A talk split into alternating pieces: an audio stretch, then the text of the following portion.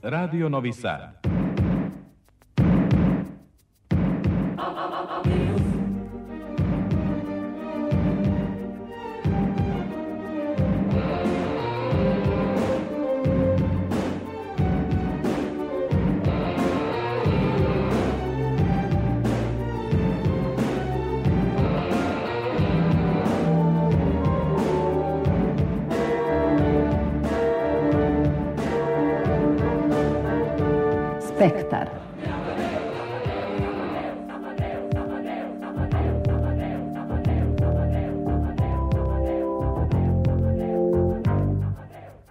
Spektar.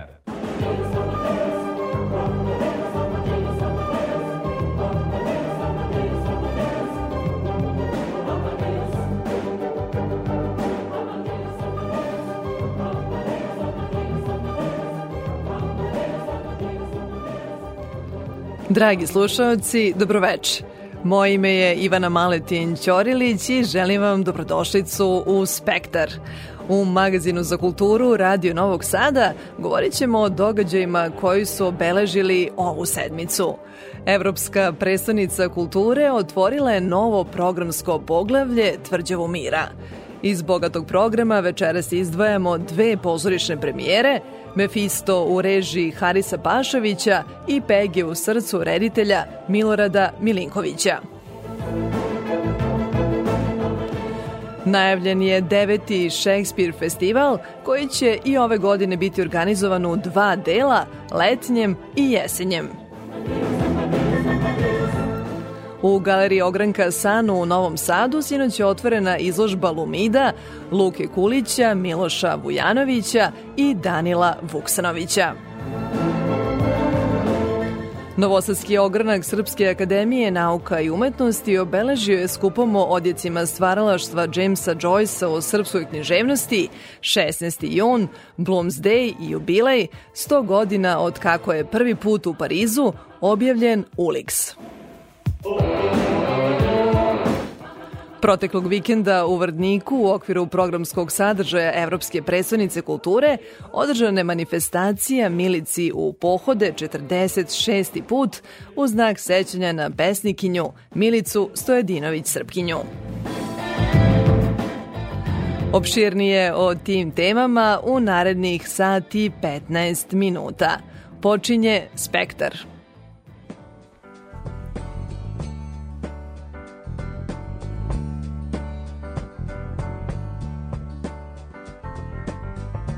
After midnight. We're gonna let it all hang out.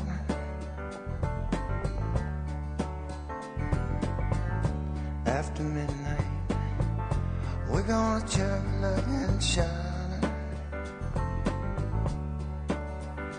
We're gonna cause talk and suspicion, give an exhibition, find out what it is all about. After midnight. We're gonna let it all hang out.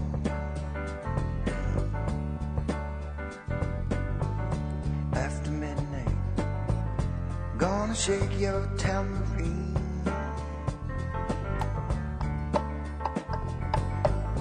After midnight, it's gonna be peaches and We're gonna cause talk and suspicion, give an exhibition, find out what is all about. After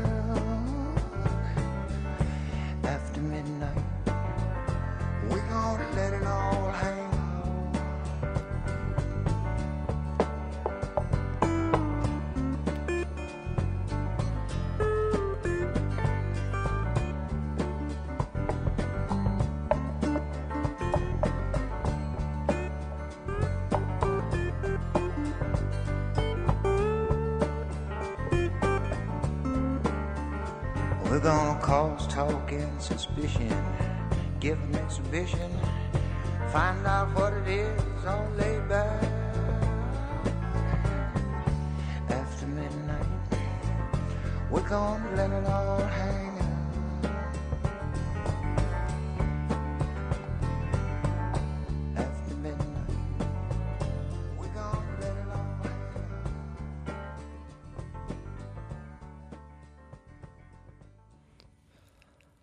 U Novom Sadu otvoren je novi programski luk Evropske prestonice kulture Tvrđava Mira. Tvrđava Mira bavi se promišljanjem i kritičkim sagledavanjem ratnih sukoba i njihovih posledica, tragajući za kulturom mira, sećanja i promovišući interkulturalni dijalog i pomirenje – Oko tih ideja do 17. jula okupit će se 1500 umetnika iz 30 zemalja koji će se predstaviti publici na gotovo 150 događaja. Sa koordinatorom tog programskog luka, Lazarom Jovanovim, razgovarala je Vesna Farkaš. Sa nama Lazar Jovanov i negde već neko ko je stalno vodi računa o svim programskim lukovima, pa ovaj put i o ovom luku, Tvrđava Mira. Lazo, za početak, koliko nam je važna kultura sećanja? Mislim da je jako važna, posebno ako sada govorimo o Tvrđavi Mira i nikako ne smemo da zaboravimo drugi svetski rat, a nekako smo i svedoci, čini mi se, nekakvog trećeg, ali ne na svu sreću svetskog, ali ipak rata i opet stižu one ružne i loše stvari među ljude. Šta nam je u stvari pouka ove tvrđave mira i čime ćete se baviti u Evropskoj predstavnici kulture u narednih mesec dana? Nažalost, ispostavlja se da je naša programska celina nikad aktuelnija i da je ono o čemu smo mi govorili 2016. godine kao neku vrstu upozorenja i apela sada je nam zakucalo na vrata. E, u Tvrđavi Mira, koja se realizuje od 17. juna do 17. jula, mi se bavimo, kao što si rekla, kulturom sećanja, prevashodno na, na žrtve ratova 20. i 21. veku sa posebnim fokusom na holokaust i na drugi svetski rat i naravno posebno u svetlu toga što je 2022. godina u stvari 80 godina od e, racije u Južnoj Bačkoj i to predstavlja nesumnjavo jedan od najvećih ožiljaka um, ovog grada. U Tvrđave Mira mi se bavimo i umetnošću otpora i možda jedan od najvažnijih događaja umetnosti otpora u tom smislu je izložba rekapitulacije šok zadruge, odnosno multimedijalnog centra Led Art i sa njihovim reperformansima, s obzirom da to bi jedan od najangažovanijih kolektiva od 90-ih pa do danas u, u Novom Sadu. Mi se bavimo kulturom mira, odnosno iniciramo razgovore, dijaloge o, o, o miru i, i, i u potrazi za novim modelima pomirenja, što ćemo raditi upravo ovde u kreativnom distriktu, odnosno kako ga mi zovemo distriktu mira. Tada od 23. do, do 27. jula sa, i sa filozofskim fakultetom i sa drugim organizacijama svakodnevno razgovaramo sa važnim e, evropskim, domaćim i svetskim govornicima. Tu ćemo imati propratne događaje, koncerte, e, izložbe koje e, neguju taj aktivistički karakteri koji ukazuju na, na sve probleme današnjice koji mogu biti uzročnici nečeg što, što, su, što su sukobi, pa i ratni, pa i ratni sukobi. Nisumnjivo jedan od naših najvećih događaja je, je Beethoven maraton, dakle u jednom danu Beogradska i Dortmundska filharmonija izvode svih devet Beethovenovih simfonija u gradskoj koncertnoj dvorani prvih osam, a onda se deveta izvodi ujedinjenim snagama sa slovačkim filharmonijskim horom na Petroradijskoj tvrđavi, dakle u čast Evropi i evropskim tekovinama sa velikom odom radosti. Zatim imaćemo izložbu Muzeja Vojvodine sa neolitske noći, dakle to je priča o jednoj mirnodopskoj civilizaciji, uzorno je u svakom smislu te reči, nije slučajno što je litvanska naučnica ovaj, ovo podneblje e, e, e neolita nazivala starom Evropom, odnosno praevropom. Zatim um, imaćemo jednu izložbu u, u, u kulturnoj stanici Svilara, koja takođe se bavi savremenim temama kao što je savremeni rasizam, ekstremna desnica, to je otvoreni proces proces iz grada Kemnica, iz, iz a, Nemačke. Evo sad u nedelju nas očekuje izvođenje Malerove druge simfonije u izvedbi Vojvođanskog simfonijskog orkestra i hora Srpskog narodnog pozorišta i kao kulminacija uh, Tvrđave mira je premijera filma Liberta. Dakle, to je prvi igrani, uh, možemo reći onako pretencijozno epski film o uh, rađanju grada. Priča o tome kako su građani ondašnjeg šanca, različite veroispovesti nacionalne pripadnosti, ujedinjenim snagama, bez kapi prolivene krvi, kupili slobodu grada. Ali to je jedna avanturistička priča, što bi sam reditelj Žanko Tomić e, rekao, to je avanturistička saga sa primesama političkog e, trilera. Sve to i mnogo više se može vidjeti na sajtu www.novisad2022.rs.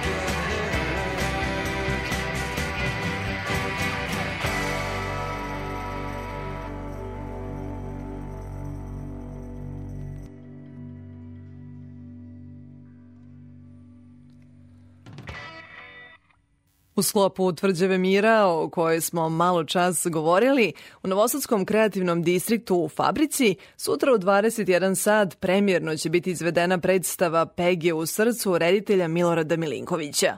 Reč je o drami koju je napisao pozorišni reditelj Moša Beraha 50. godina prošlog veka. U podrumu porodične kuće u Zrenjaninu pronašao je njegov unuk Roni Beraha, violončelista, koji je snimio za nju i muziku. U svom delu Beraha evocira uspomene iz nemačkog logora Osnabrik u kojem je boravio za vreme drugog svetskog rata. Predstavlja sveročanstvo, zarobljeništvo oficira jugoslovenske vojske protkano ljubavnom pričom. To je ujedno i jedino dramsko delo Berahe, objašnjava direktor Studenskog kulturnog centra Novog Sada, Obrad Škrbić.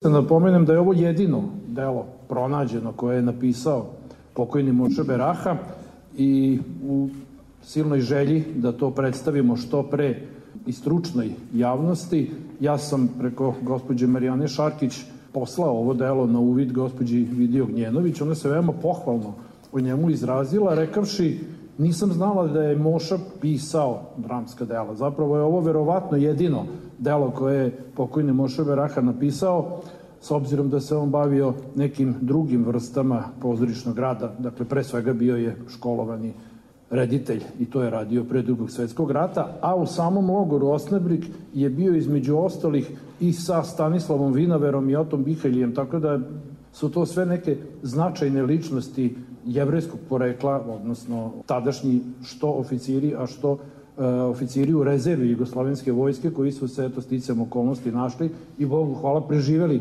drugi svetski rat kako tako ipak e, zahvaljujući verovatno između ostalog i jedni drugima e, e, u Osnabriku.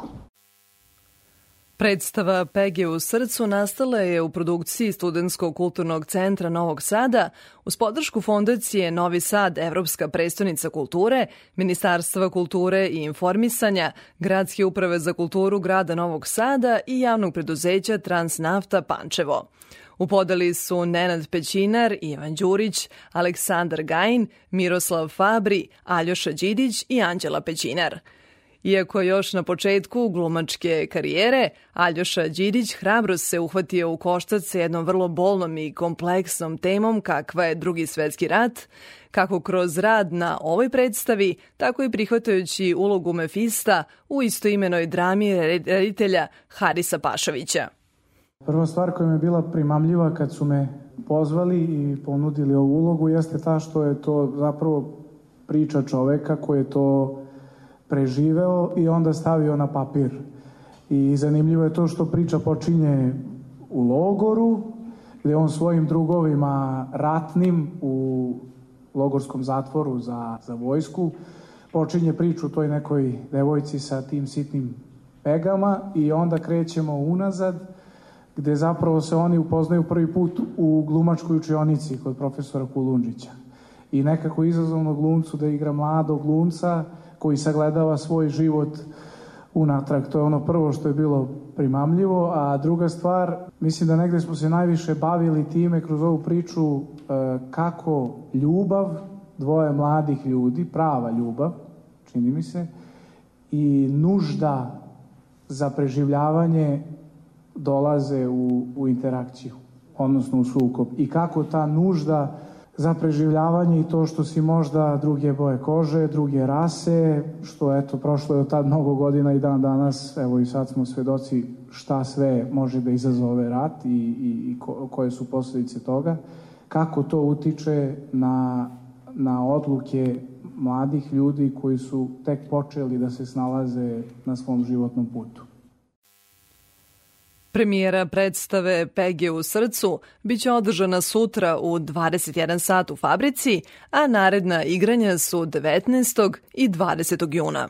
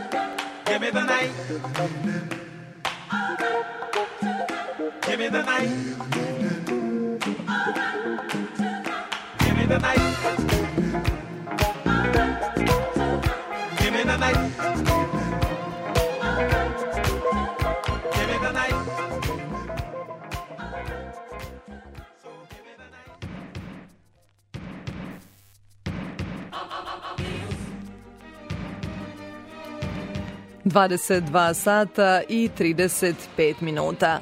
Slušate Spektar, magazin za kulturu, radio Novog Sada. Vraćajući se na represivni i totalitaristički kontekst predratne i ratne Nemačke, program Tvrđave mira donosi predstavu Mefisto, reditelja Harisa Pašovića, nastalo na osnovu predloška istoimenog romana Klausa Mana. Premijerno izvođenje te drame zakazano je za 12. jul u Srpskom narodnom pozorištu. Uz velikane našeg glumišta Mirjanu Karanović i Miodraga Krivokapića, koji se nakon tri decenije vraćaju na scenu našeg najstarijeg teatra, u Mefistu gledat ćemo prvakinju drame tog pozorišta, Gordanu Đurđević-Dimić i još 40 aktera. O tom velikom pozorišnom poduhvatu razgovarala sam sa rediteljem Harisom Pašovićem, pa da poslušamo.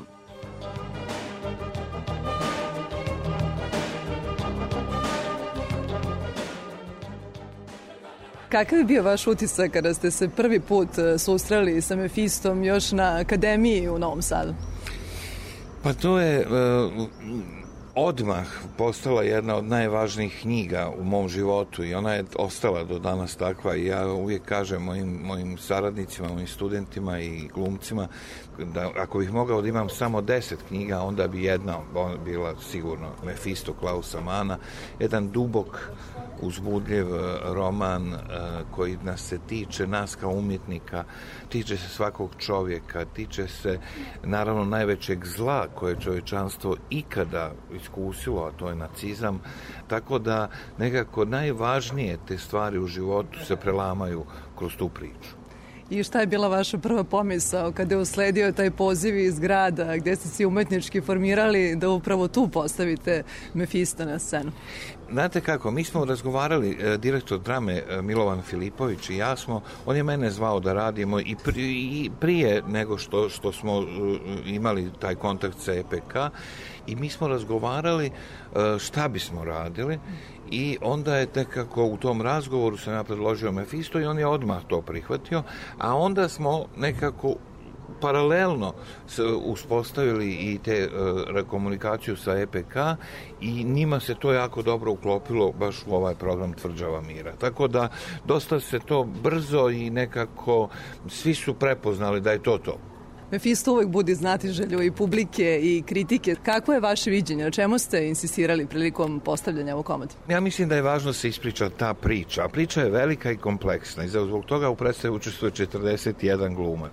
Mislim da je važno i da se čuju te riječi Klausa Mana, da, da prosto na, nekako uđemo u tu priču i ona je po meni nekako kao neka televizijska serija, da tako kažem. Mislim, na taj način smo i formirali i scene i likove i ima više likova koji, koji, koji gledalac prati i ja mislim da gledalci su sada mnogo navikli na televizijske serije i vole televizijske serije, e pa nešto u dramaturgiji te predstave ima od dobrih televizijskih serija.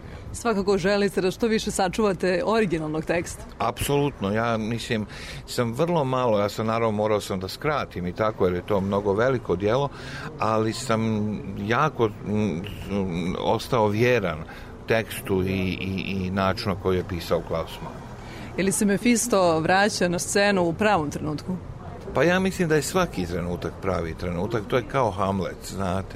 Svako vrijeme treba da promišlja velike teme, a pitanje e, nekako čovječnosti u teškim vremenima, u najtežim vremenima kao što je bio nacizam, to je uvijek velika tema i to je uvijek dobro da se vratimo tome, pogotovo kad je priča tako zanimljiva i tako, tako nas angažuje kao što je priča o Mefistu. I za kraj, kakve uspomene vas vežu za Novi Sad i kako je bilo sarađivati ponovo sa kolegama sa Akademije? Pa ja sam već nekoliko godina dolazim u Novi Sad, ja sam e, nekoliko godina već predavao na master programu na Akademiji umetnosti za glumu. E, imam puno prijatelja u Novom Sadu i mislim stalno dolazim e, i radili smo prije jedno 5-6 godina predstavu baš u koprodukciji West centra u Sarajevu i promene koja se zove Za šta biste dali svoj život. To je sa, sa jednom ekipom mladih glumaca E, tako da e, sam ja nekako već mi je normalno da budem u Novom Sadu i moje tijelo je zapamtilo Novi Sad. Ja se tu krećem bez ikakvih problema. E, to je moj drugi grad. Da, jedan ste i od osnivača promene koje je. tada bila jedan izraz bunta i te mladalačke slobode u doba bivše Jugoslavije. Je. Li s ponosom gledate o što je ona danas izrasla? Apsolutno mislim da je divno što danas rade mladi glumci i reditelji, ali prije svega glumci uh, u promeni i, i publika koja neprekidno dolazi, to je stvarno fantastično, a s druge strane nas je promena cijelom generacije te prve generacije na akademiji su formirane umjetnički kroz promenu i evo u ovoj predstavi ima nekoliko glumica koje su bile u promeni ne znam, od Gordane Đurđević Dimić do Draginje Voganjac, do Lidije Stevanović, Tijene Maksimović, Aleksandre Pleskonjić, to su sve Jelene Antonijević, to su sve divne glumice koje su sada vrhunske glumice, ne samo Srpskog narodnog pozorišta, nego u cijeloj Srbiji, a sada, ovaj, ali smo nekako tu promenu sačuvali u nama. Hvala najljepše na razgovoru i radujemo se premijeri. Hvala vama, hvala vam.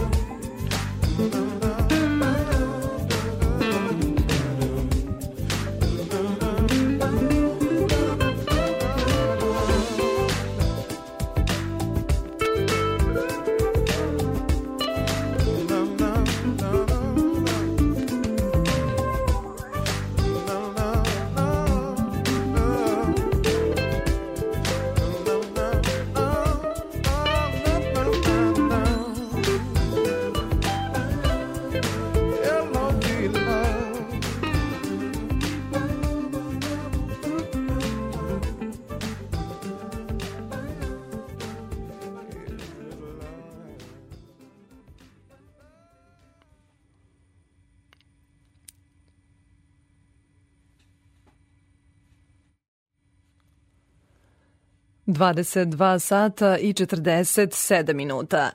Nakon najave tvrđave mira u Spektru nastavljamo priču o pozorištu. Deveti po redu Šekspir festival, ambientalni festival koji se odvija u Vili Stankoviću u Čortanovcima, bit će i ove godine organizovan u dva dela – Od 1. do 5. jula trajaće letnji program, dok će drugi deo biti održan na jesen u Srpskom narodnom pozorištu. Najavio je osnivač, reditelj Nikita Milivojević. Mi smo hteli da ove godine ovaj naš naslov, ovaj moto festivala i sem nestvarnoga, ništa stvarno nije onako doslovce opravdamo i onda smo vas pozvali na jedno nestvarno mesto. Da, da ovaj naš susret bude još onako lepši. Ali tek sam sad shvatio da u stvari sa ovim pogledom vi nećete nas slušati, vi ćete izgleda samo gledati kako iza nas. Ali dobro, mi ćemo ovaj, pokušati da, da ipak vam otmemo malo pažnje ispričamo nešto od onoga šta to ove godine, deveti Shakespeare festival, šta imamo na programu, šta smo spremili i tako dalje. Sećam se prošle godine kad smo se razilazili na prethodnoj, u Vili Stanković na prethodnoj konferenciji za novinari, ja sam rekao, eli, čitava godina ispred nas, ako bi nešto voleo kad se sve, sledeći put sretnemo, pored toga da se svi ponovo sretnemo, jeste da nemamo one odvratne maske na licu. I, I drago mi je da ste danas svi ovde bez tih maski. Uglavnom, i ove godine festival će imati dva poluvremena.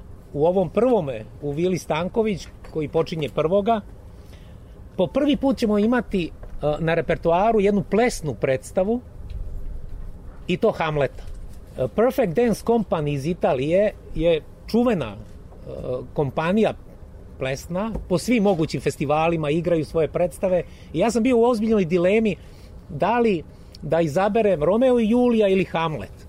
Ili da zaista ih pustim pa da igraju večer za večer dve predstave.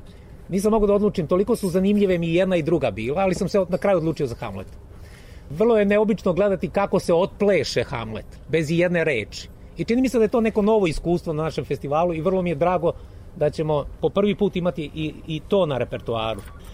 Kao i uvek, sećate se, mi često iz našeg okruženja, iz regiona pozdravimo zanimljive reditelje, koncepte i predstave. Podsjetit ću vas da su sa svojim predstavama na festivali goštovali i Vuk Torbica, i Andraš Urban, i Aleksandar Popovski, i Koka Mladenović.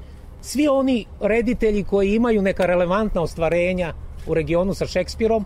Ovog puta je to makedonski reditelj Dejan Projkovski i naše kolege iz Crne Gore.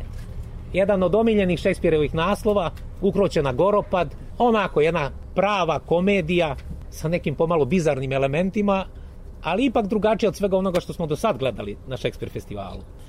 U nedelju treće večeri jedna trupa iz Norveške i piše uh, European Shakespeare Festival Network. Mi smo deo, naš Shakespeare festival je deo evropske mreže Shakespeare festivala, kao što znate ima nas jedno deset festivala.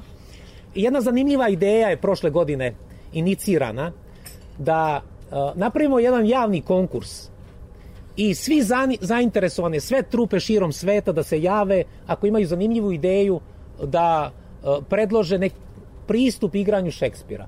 Stiglo je oko 40 i nešto prijava i u žiriju u kome sam ja učestvovao, ova norveška trupa nam se učinilo da ima najzanimljiviju ideju. Oni su predložili da u stvari e, Romeo i Juliju kao priču sačuvaju, ali da nas podsete da još uvek priča o Romeo i Juliji postoji u ovom trenutku na sve strane sveta. Oni zovu tu predstavu Romeo i Julija i druge katastrofalne ljubavi. Pričaju nam priču iz Iraka, iz Sirije, iz Nemačke, gde Romeo i Julija, različite, autentične narodno životne priče, su osuđeni od strane porodica, društva, kako ljubav svugde na svetu je, može biti opasna i zabranjena i dan danas, kao što je to bilo u vreme Šekspira ili u Veroni nekada. Tako da taj koncept, ta tema stalno nam dokazuje kako je Šekspir u stvari nije govorio o svom vremenu, nego o našem vremenu. I da je sve vremen, kako mi to volimo da kažemo, još jednom se prosto dokazuje u ovoj predstavi, u ovom konceptu. Predstavu pravi, prati jedna izložba zanimljivih fotografija. Mislim da su neke fotografije gotovo potresne. Mi ćemo napraviti izložbu tih fotografija gde vidite u jednom trenutku da Romeo i Julija su u Iraku osuđeni na smrt povezanim očima. To je koncept koji nam je zaista onako učinio se jako, jako neobičan i zanimljiv. U ponedeljak još jedan Hamlet, ali ovoga puta Hamlet bazira na Koltesovom tekstu. Vi koji pratite sigurno znate Liviju Pandur, koja nastavlja taj divni teatar svoga brata, jeli, Tomaža Pandura, i radi jednu zaista neverovatnu, neobičnu predstavu, estetski podsjeća na Pandura, ali je minimalistička negde. Samo četiri glumca igraju sve likove iz Hamleta. Imate uh, Ofeliju, Hamleta, Kralja i Kraljicu. Predstava dolazi iz Dubrovnika i igraće se u Srpskom narodnom pozorištu, pošto nismo imali za tu predstavu uslova u našoj vili.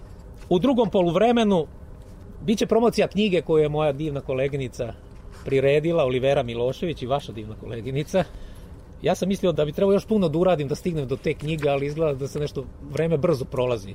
Ono što je zanimljivo i što bi voleo da bude onako u fokusu ovogodišnjeg festivala, nadam se da ćemo uspeti to već treću godinu pokušavamo, da Forced Entertainment, jednu, jednu neverovatnu grupu iz Velike Britanije dovedemo, ali zašto to kažem? Ako se sećate, pre par godina je bila jedna neobična predstava gde se sudilo Hamletu.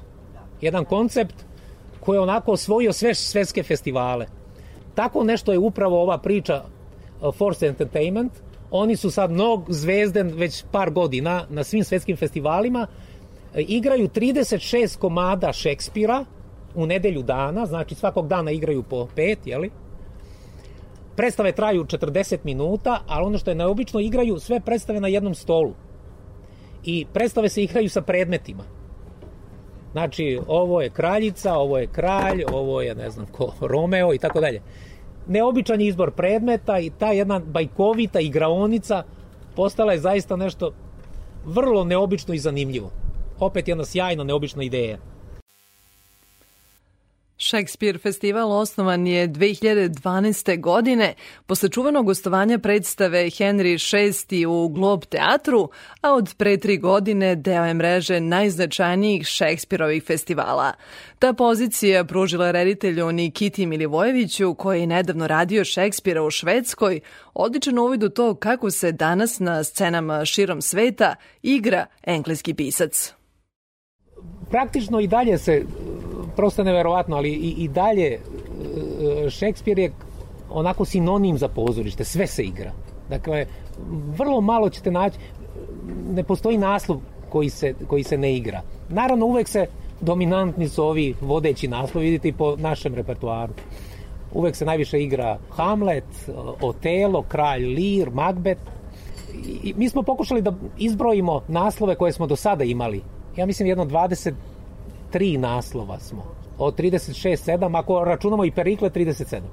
Postoje naslovi koji se manje igraju, kao Simbelin, Kralj John. Eli, to, to nećete baš lako naći na repertoaru, ali uglavnom ono što mi pokušavamo je da, da vidimo neko, neko igranje koje može biti onako iznenađujuće. Koje može biti neki koncept koji, evo, kao ovo Romeo i Julija. To nije priča iz Verone, to je priča koja je li danas se dešava na sve strane sveta. Neki Romeo i Julija su zaista osuđeni zbog svoje ljubavi. I onda to postaje tako jedno zanimljivo viđenje i uverava nas do koje mere Šekspir zaista uvek priča neku priču koja ima veze, veze sa, va, sa vama, sa vašom stvarnošću, samo sve je pitanje šta prepoznajemo, jeli? šta vidimo kao svoju stvarnost. Neobični, zanimljivi koncepti i naravno uvek je zanimljivo vidjeti kada dolaze iz nekih zemalja o kojima ne znamo baš mnogo. Recimo u Norveškoj, ja nisam znao, sad sam radio u susedstvu tamo u Švedskoj, ali vrlo sam malo znao o norveškom teatru. Evo sad smo mi pričali, možda sledeće, možda, sledeće godine budemo imali predstavu iz Japana, ali mi smo imali kineskog Magbeta koji je bio neverovatan. Ili predstavu iz Indije, predstavu iz Irana, predstavu iz Belorusije smo imali. Šaren jedan svet igra, igra Šekspira na sve moguće načine.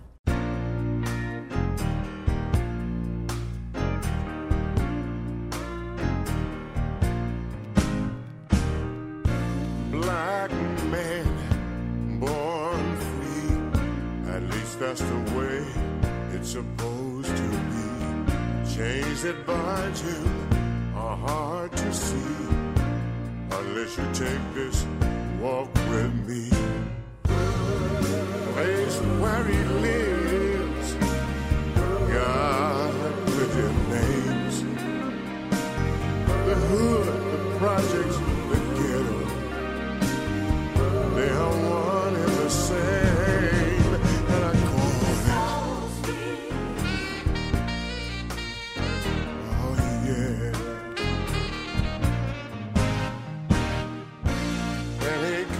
job is hard to find.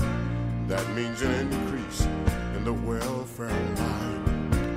Crime rate is rising too. If you were hungry, what would you do? There is too much past due in a building that's falling apart. Little boy needs a new pair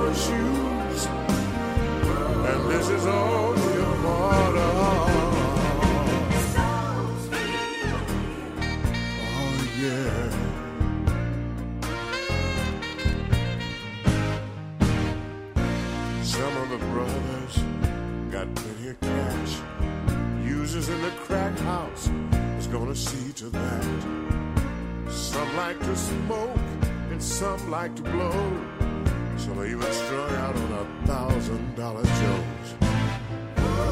They're trying to ditch reality by getting so high. Only to find out you can never, never touch the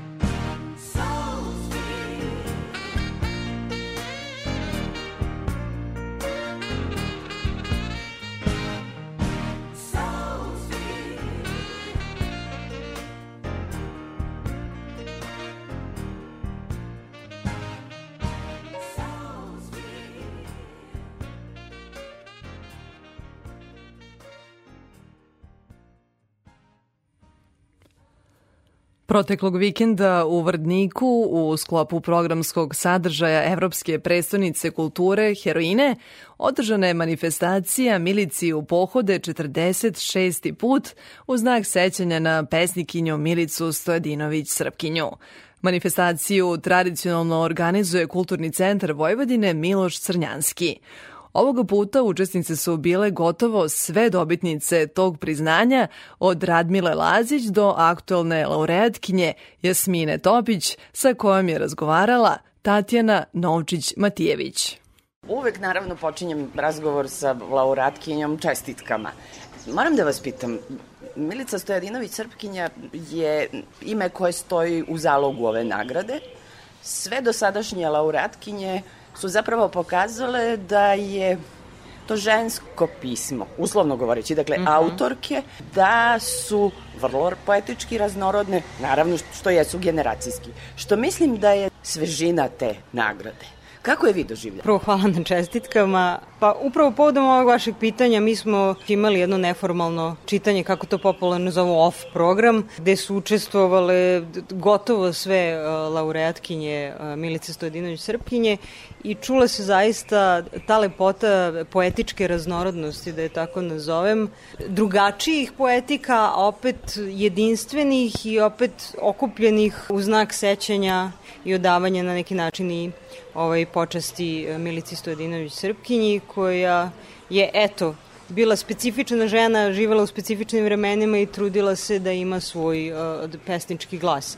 I zbog toga čini mi se da je svakoj laureatkinji ovaj, izuzetna čast što, što, je, što je dobitnica ove knjižene nagrade.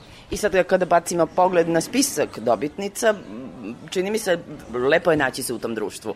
Pa ja moram da priznam da jeste, zaista. Neke od njih su mi veoma drage, neke od njih su mi postale tokom godine i prijateljice, druge sam imala priliku da čitam kada sam tek ulazila u taj svet književnosti, da tako kažem. Učila sam od njih na neki način, čitajući njihovu poeziju i mislim da je to sve povezano, da je to jedan lep, lep krug, lep ciklus koji, evo, radujem se da, da se nastavlja i dalje, da će ove godine biti neka nova dobitnica nagrade koja će nam se pridružiti nekom drugom pohodu ovde u Vrdniku. Vi ste nagrađeni za knjigu vrlo simboličkog naziva, privremeni boravak. Taj privremeni boravak jeste jedan katalog slika, detalja sa raznoraznih meridijana, Ono što je meni bilo zanimljivo i što mi je iznenađujuće zapravo, imajući na umu da ste vi autorka jednog potpuno modernog urbanog senzibiliteta, da referišete na one klasike koji se zovu Jovan Hristić, Miodrag Pavlović, Ivan Velalić. Prosto mi je zanimljiva ta veza. Da, pa svi mi imamo naše poetičke očeve i majke, čini mi se, i u stvari biramo negde, učimo se ili negde odjekujemo nalik piscima, odnosno pesnicima koje vi sami volimo da čitamo i čiji senzibilitet nam prija. Ja moram da priznam da Jovan Hristić zaista jeste jedan od mojih omiljenih pesnika, ako ne i omiljeni. Ove, I svakako je njegova poetika uh, imala uticaja i na ono što ja pišem, pre svega zato što mi je to bilo blisko. A, privremeni boravak je zaista, deluje kao, kao lako pronađen i spretno ovaj, dat naslov knjige, ali zapravo je trebalo dosta vremena da dođemo do tog naslova, jer je radni naslov, naslov ove knjige bio sasvim drugačiji, pa u dogovor sa urednikom Gojkom Boževićem je on na neki način ovaj, redefinisan, ali ispalo je zapravo zaista tako da, da on na dobar način oslikava pesme koje su, koje su se našle u ovoj knjizi i da, upravo ste, sa jedne strane to zaista jesu uh, različiti tipovi privremenih boravaka i jedna konstanta privremenosti koja je zapravo vezana za, vezana za taj prostor leta, mora, Mediterana, i tako dalje. Ali to su opet zaista odjeci nekog e, i životnog i pesničkog iskustva, jer ja verujem da zaista autor treba da govori iz svog iskustva i da ga onda učini univerzalnim i lako čitljivim i e, pronalažljivim, da tako kažem, za, za one koji će takođe jednog dana čitati ovaj knjigu. Jel? Ja prvo kad, što sam pomislila, dakle kad sam videla naslov, pomislila sam, ha, pa ovo savršeno postavlja kao znak pitanja, odnosno poziciju čak, i pesništva i umetnosti. I umetnika u samom procesu stvaranja, da je stvaranje umetnosti zapravo taj privremeni boravak u tom jeziku i u toj energiji stvaralačke. Pa meni se čini da se zapravo tim pitanjima bavi svaki autor. Samo se bavi iz, iz svoje perspektive. Ono što je meni bilo interesantno i što je meni bilo bitno jeste to da, da pokažem kako u stvari različiti ti tipovi boravaka privremenih na drugačiji način oslikavaju nas. To su mogući paralelni životi koji mi živimo u tim nekim kraćim ili malo dužim vremenskim rasponima. Da li je to u pitanju boravak na moru ili je boravak u nekom drugom gradu. U mom slučaju zapravo to je reflektovalo iskustvo boravka na rezidencijalnim programima za pisce. Jer to jeste zaista jedno izmeštanje u novu sredinu. Čovek hteo ne hteo skuplja utiske i to bilo posredno, bilo neposredno utiče na način na koji će pisati i naravno nužno utiče na percepciju ovaj, sveta, a otuda jel, samo refleksijom i na, na nas sam. I kao nagrada Milica Stojadinović Srpkinja ide, dakle, ne samo to priznanje, ta diploma, nego i knjiga, izbor pesama. Za svakog autora je lepa vest kada se pojavi knjiga, a ovo je sad izbor, dakle već negde vaš opus je kvalitetan i, kvantitativan. Bilo je, dakle, mogućnosti da se sabere i, i napravi jedna svojevrsna lična karta Jasmine Topić. Ja moram da priznam da mi je izuzetno drago ovaj, da sam eto, zahvaljujući ovoj nagradi bila u prilici da dobijem svoj prvi izbor pesama. I izuzetno mi je drago što su obe ove, moje kritičarke, da ih tako nazovem, posvetile se tome predano svaka na svoj način. Naravno, pre svega Gorica Radmilović, mlada naučnica, kritičarka, ali i sama pesnikinja koja je e, zaista se potrudila da napravi ove pesme ne hronološki, već tematski na, dakle nije nešto što je bilo tipično i prepoznatljivo generalno za izbore poezije, a imala je i materijala kao što ste rekli na osnovu sedam, sedam pesničkih knjiga.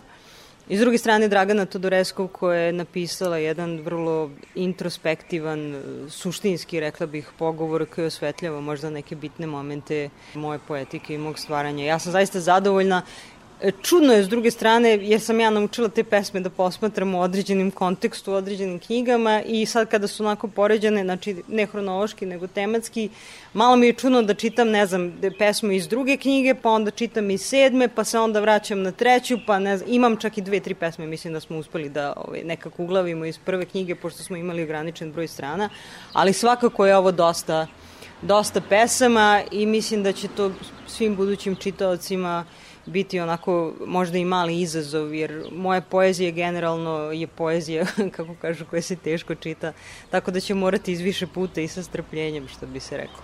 I naravno, izuzetno važan, gotovo jednako važan deo vašeg stvaralaštva jeste muzika.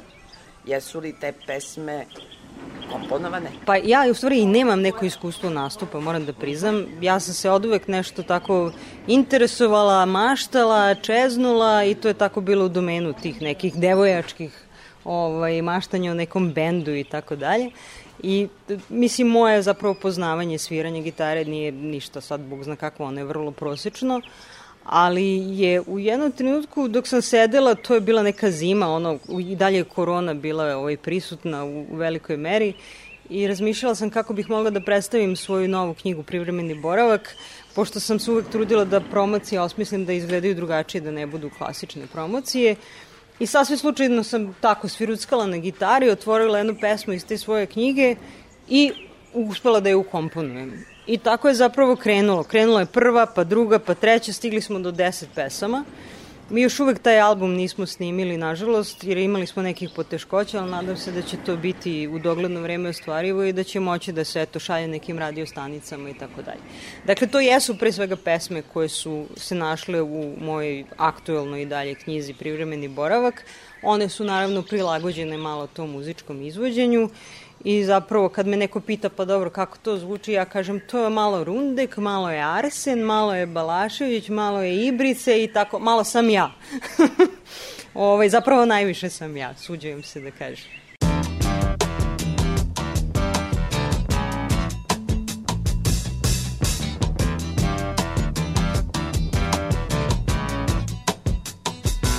my friends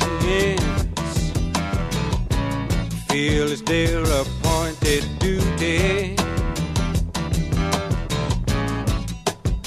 They keep trying to tell me he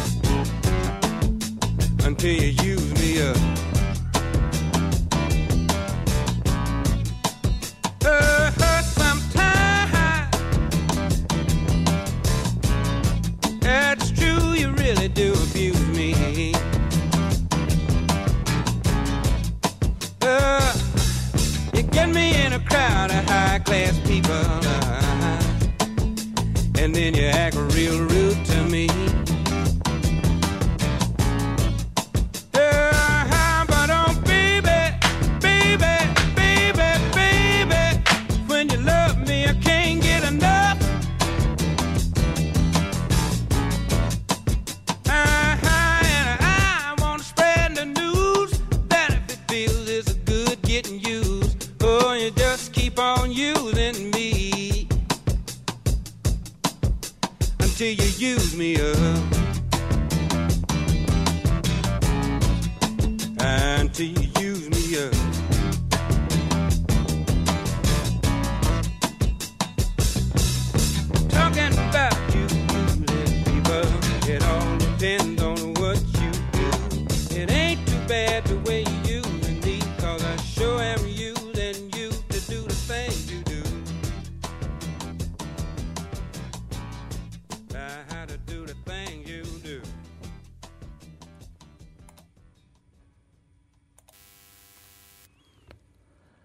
23 sata i 14 minuta. Slušate Spektar. Izložba Lumida, tri autora, Luke Kulića, Miloša Vujanovića i Danila Vuksanovića, otvorena je sinoć u Galeriji Ogranka Sanu u Novom Sadu. Poruka izložbe je zajedništvo, odnosno umrežavanje umetnika putem javnog izlaganja. Luka Kulić izveo je digitalne grafike iz svog grafičkog almanaha, svojevrsnog dnevnika u kome se bavi različitim intimnim pripovestima koje se često graniče sa znakom ili logom. Sa njim je razgovarala Vesna Farkaš.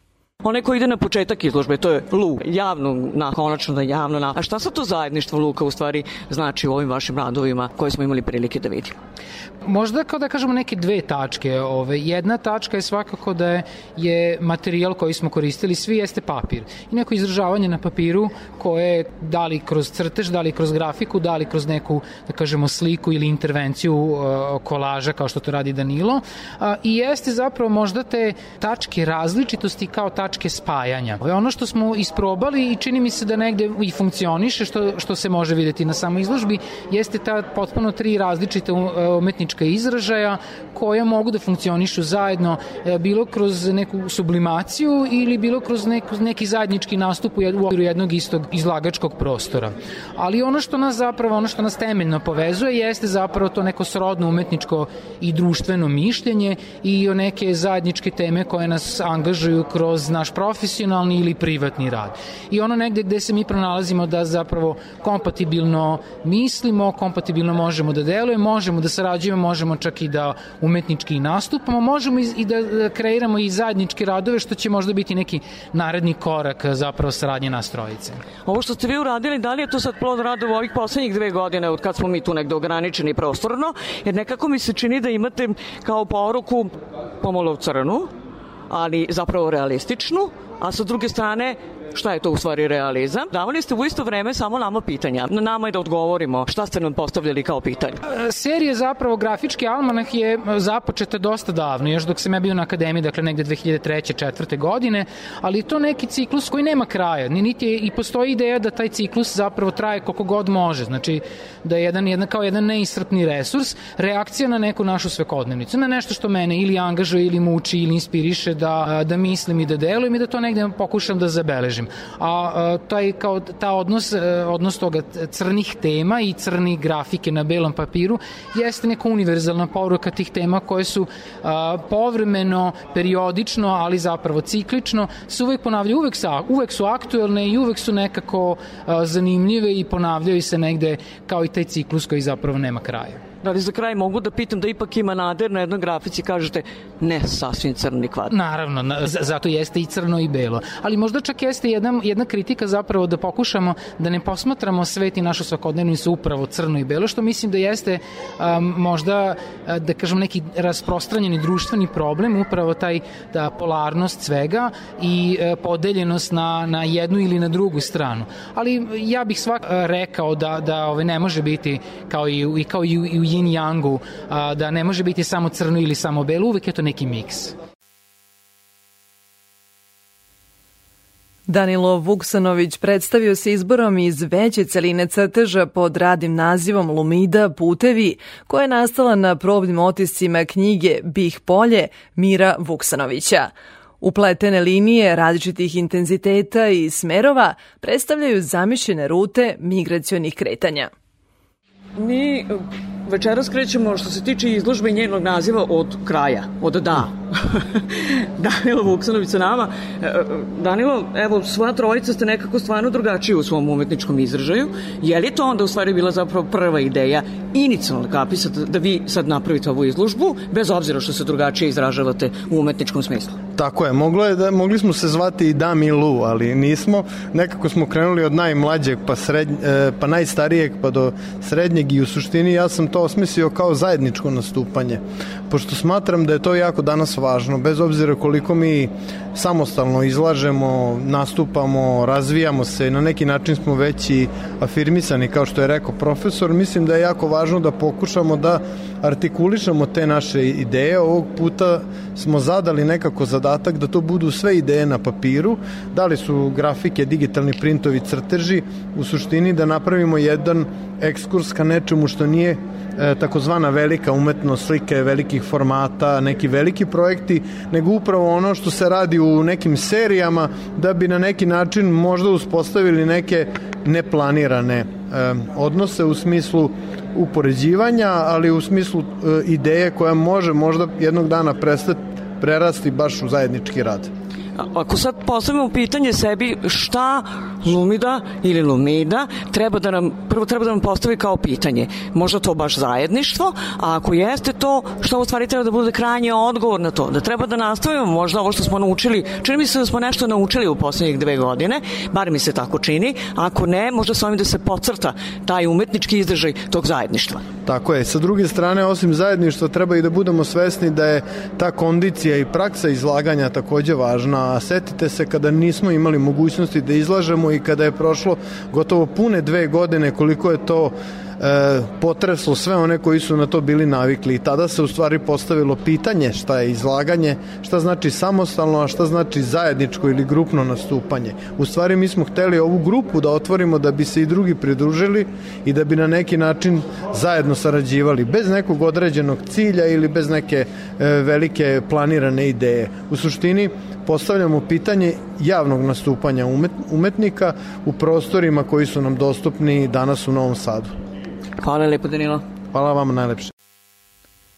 Kao treći autor izložbe Lumida, koja će u Galeriji Ogranka Sanu u Novom Sadu biti otvorena do 30. juna, Miloš Vujanović izložio je crteže u tehnici radirunga, tuša i ugljena na papiru.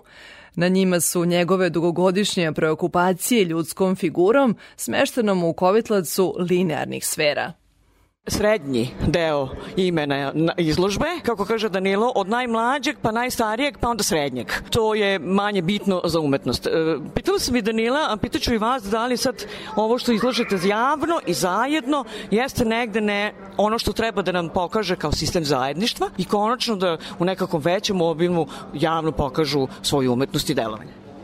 Ja bih kratko odgovorio da, tako je, a malo šire bih odgovorio sa tim da Ne, pored toga, još je jako bitno da umetnici mogu da komuniciraju međusobno, da se razumeju, iako to što je rekao i Luka tamo u početku govora prilikom otvaranja, znači jeste da mi jesmo različiti, ali to ne znači da se mi ne razumemo. Znači, postoji jezik koji je likovni jezik ovde u, u znači likovni jezik umetnosti, kao i ne znam muzički i tako dalje. I mi smo uspeli međusobno da iskomuniciramo i dovedemo dati različite stava potpuno u jednu potpunu izložbu koja može zajedno da stoji, znači lepo da komunicira sa publikom. E, sad nek izvoli publika da nas pita, ako ih interesuje, to je to. Ta, ali jeste zajedništvo, znači to tako kažem potvrda toga da se mi poznajemo, družimo i razumemo ove dve godine protekle koje smo preživeli onako kako baš nije trebalo, jer to sad znači da je u stvari ovo već negde želja za izlaganjem, jer su se ti radovi za dve godine, čini mi se, mnogo toga ste uradili, a da niste mogli da ih izložite, jer smo svi negde bili skučeni. Zapravo bili smo sprečeni prostorno.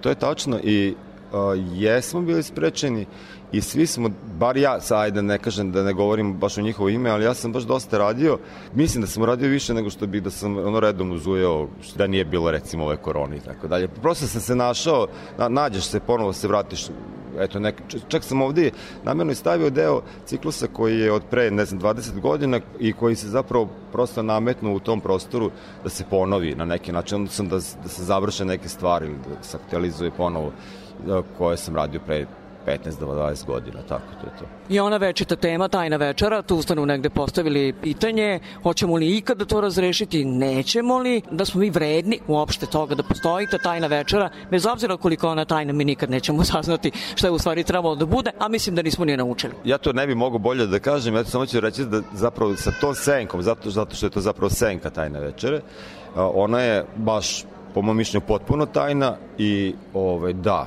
sad da li smo nešto naučili, da li nismo, da li ćemo je gledati, nećemo gledati, pa mislim da to govorim možda i o nekoj poziciji koje se mi nalazimo, su bar koje ja osjećam da se mi nalazimo, a, ali još uvek nije potpuno nestala ideja šta je to.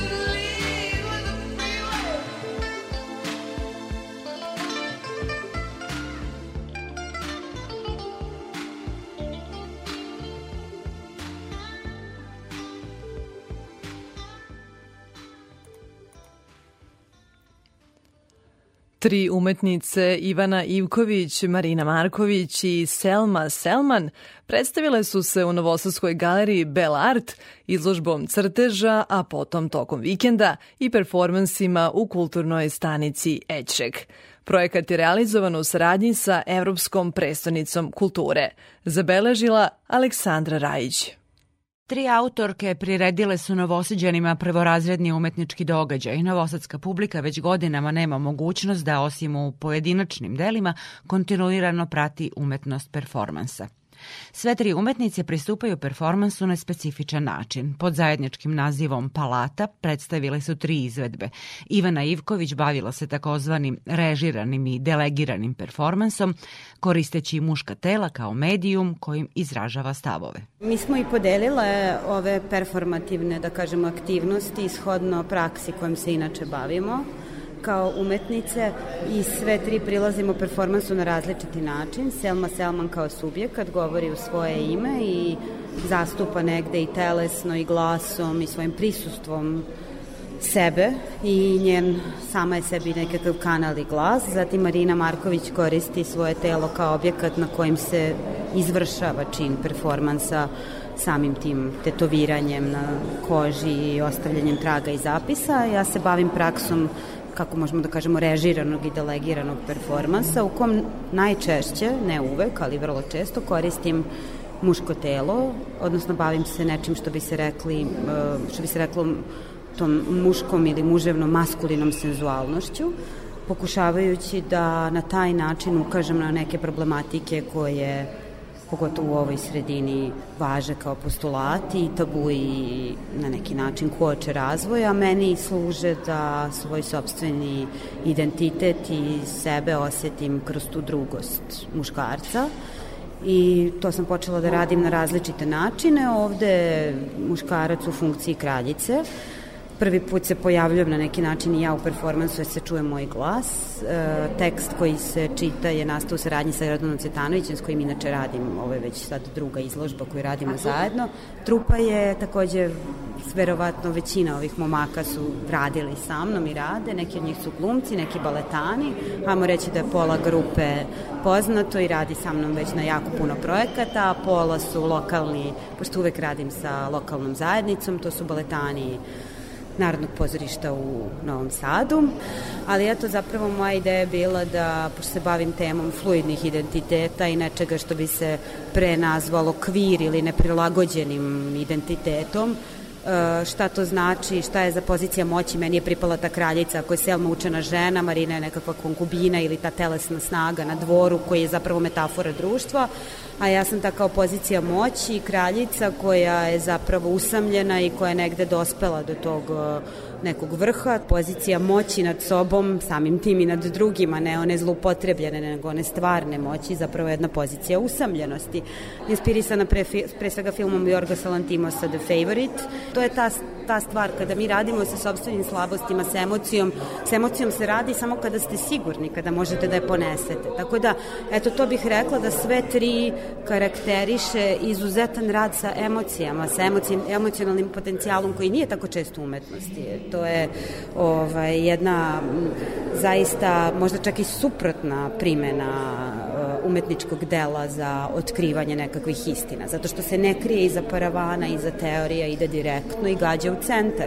Ali mislim da kada se emocijom bavimo moramo da imamo veoma jako utemeljenje i u teoriji, jer emocija traži podršku da bi mogla da se, da se bi moglo njome da se artikuliše. Performans Selme Selman duboko je ličan i iscrpljujući. U mojim performansima ja sam uglavnom glavni protagonista, tako da ja kada govorim, govorim u poziciji žene koja otvoreno govori o svemu i razlog zbog kojeg sam htjela da imam ovo postelje jeste da budem u toj većoj perspektivi gdje bi gledalci imali taj doživljaj da ja govorim ono što trebam da govorim. To je kao izražavanje svega onoga što bi trebali oni da čuju kroz poeziju. Recimo, ja pišem poeziju kao fiktivnu poeziju Omeru. Omer je u stvari izmišljeni lik kojeg sam ja stvorila i stalno njemu pišem pisma. Međutim, Omer je sistem u kojem mi svi živimo, znači i patrijarhat i, kapitalizam i sve što, i svi problemi, ali tako, isto tako i sva ta neka sreća. Tako da sam ja tu stvorila neku utopiju ideja uh, Omera je došla kroz čitanje Tomasa Mora, Utopije, gdje sam ja stvorila svoju utopiju dragog Omera. I zato mi Omer služi kao, uh, kao neko sredstvo koje mi pomaže da se ja mogu izražavati, znači da ja mogu da kažem svima ono što bi trebali jel, da čuju kroz poziciju sebe, gdje ja sebe stavljam u poziciju, poziciju osobe koja može sve da kaže, a ne u poziciju žrtve. Imate bogato svetsko iskustvo, studirali ste u Americi. Možete li uporediti recimo iskustvo umetnosti i performansa uh, ovde kod nas i negde u svetu? Govorimo pre svega o statusu umetnika. Mogu li se uopšte porediti? Pa mislim da mogu, mislim nije ni tamo ništa ni bajno, niti ovdje. A, mislim da svuda postoje kao problemi organizacije, ali mislim da je umjetnost ja, na našim područjima mnogo jača zato što ima mnogo bolji sadržaj. Dok to recimo u Americi forma kao produkcija je mnogo važnija od same suštine rada, ali isto tako jel, mi imamo to neko iskustvo, znači imamo tu prošlost koja nam je iskustvo, dok jel, ta mlađa generacija u Americi, oni već žive, oni su rođeni u kapitalističkom svijetu sa početkom tehnologije, tako da njihova kreativnost se ne može porediti s našom. Marina Marković već deset godina se aktom tetoviranja bavi istraživanjem ženskog tela u kontekstu manipulacije između ličnog izbora i pritiska društva. Na njenom telu su između ostalih i tetovaže i simboli galerija sa kojima je sarađivala. U Novom Sadu tetovirala je izjave. Ja sam u suštini htela da nekako kroz moj rad povežem naše tri prakse. I onda je svaka od nas u stvari dala po jednu rečenicu šta je za nju uh, kako, kako se ona odnosi prema svom telu. Rule your body as a palace je bila Ivanina, znači vlada i svojim telom kao palatom, a pritom to ima i malo imperativa tu, to ima palata ipak jedno ustrojstvo, uređenje i tako dalje, to je malo subverzivno sve i ambivalentno.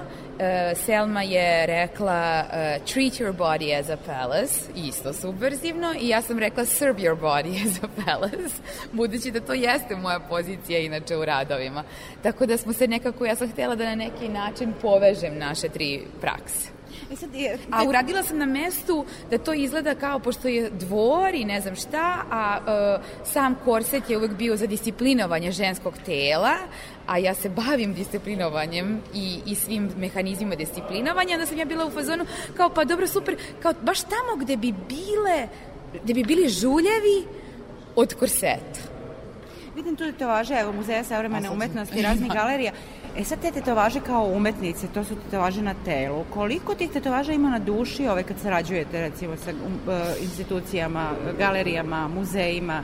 Ja, to ne, to nema to kod mene povezano. Ja nisam ovaj, kartezijanski taj model, uh, ne, ne, ne zastupam to odvojeno telo i duša, to kod mene je jedno.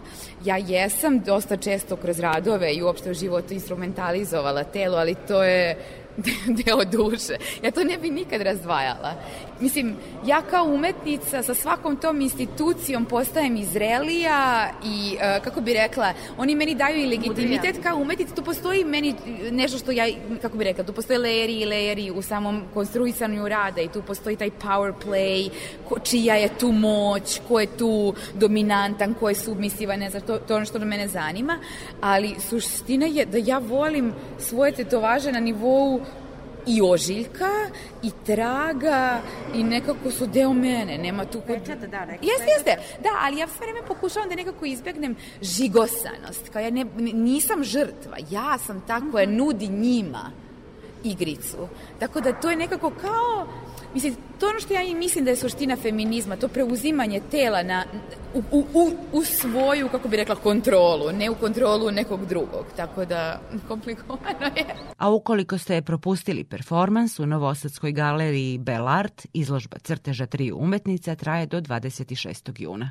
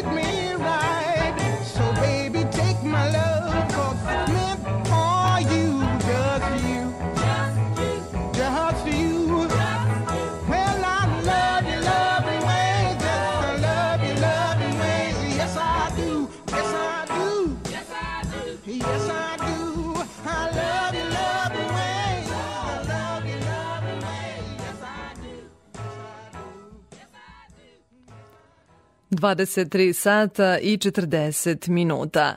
Stižemo do poslednje priče u večerašnjem spektru magazinu za kulturu Radio Novog Sada.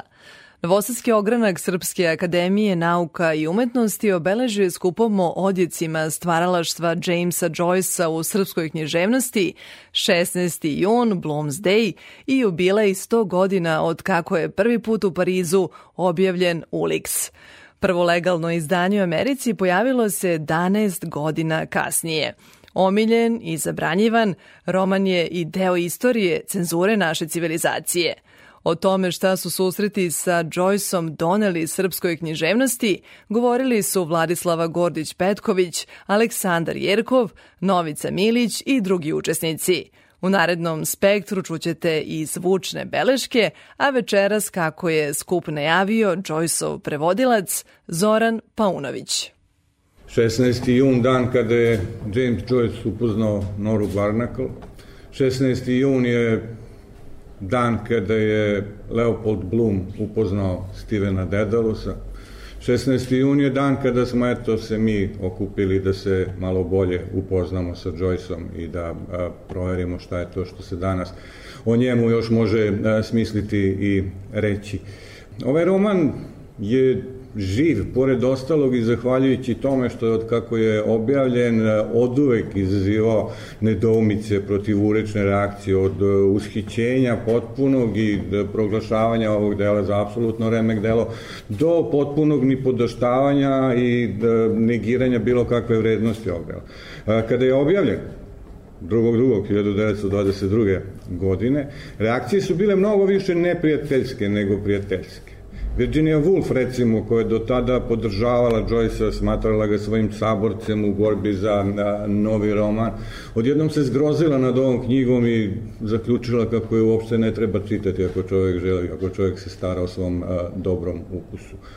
Edmund Goss, poznati kritičar onoga vremena i veliki kritički autoritet, zaključio je da Joyce piše isto kao Marquis de Sade, s tim što je Marquis de Sade nešto talentovaniji od Joyce-a, pa se to i vidi u a.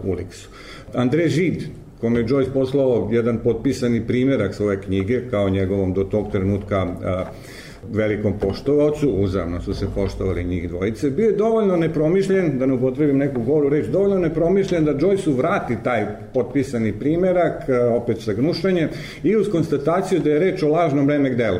Da on tu uh, pravi neku bengansku vatru kojom pokušava da, da svoje delo predstavi kao novo, epohalno, potpuno drugačije od svega i kao delo koje otvara novu književnost, a da zapravo ta knjiga nije ništa.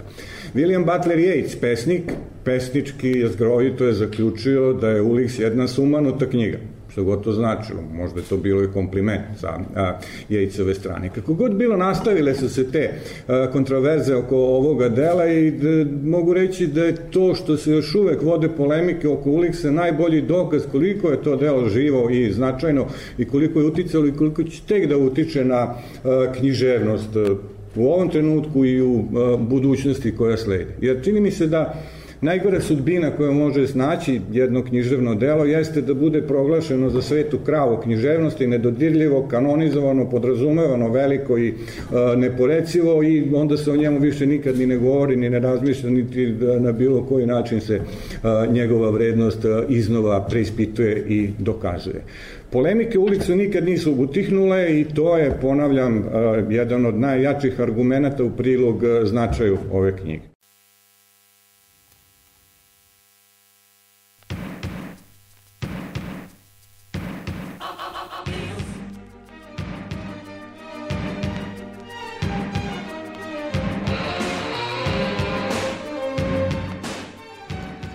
Dragi slušalci, bilo je to sve što smo vam pripremili za ovo nedeljno izdanje emisije Spektar. Sa novim pričama iz kulture čekamo vas narednog petka. Moje ime je Ivana Maletin Ćorilić i želim vam prijetan vikend.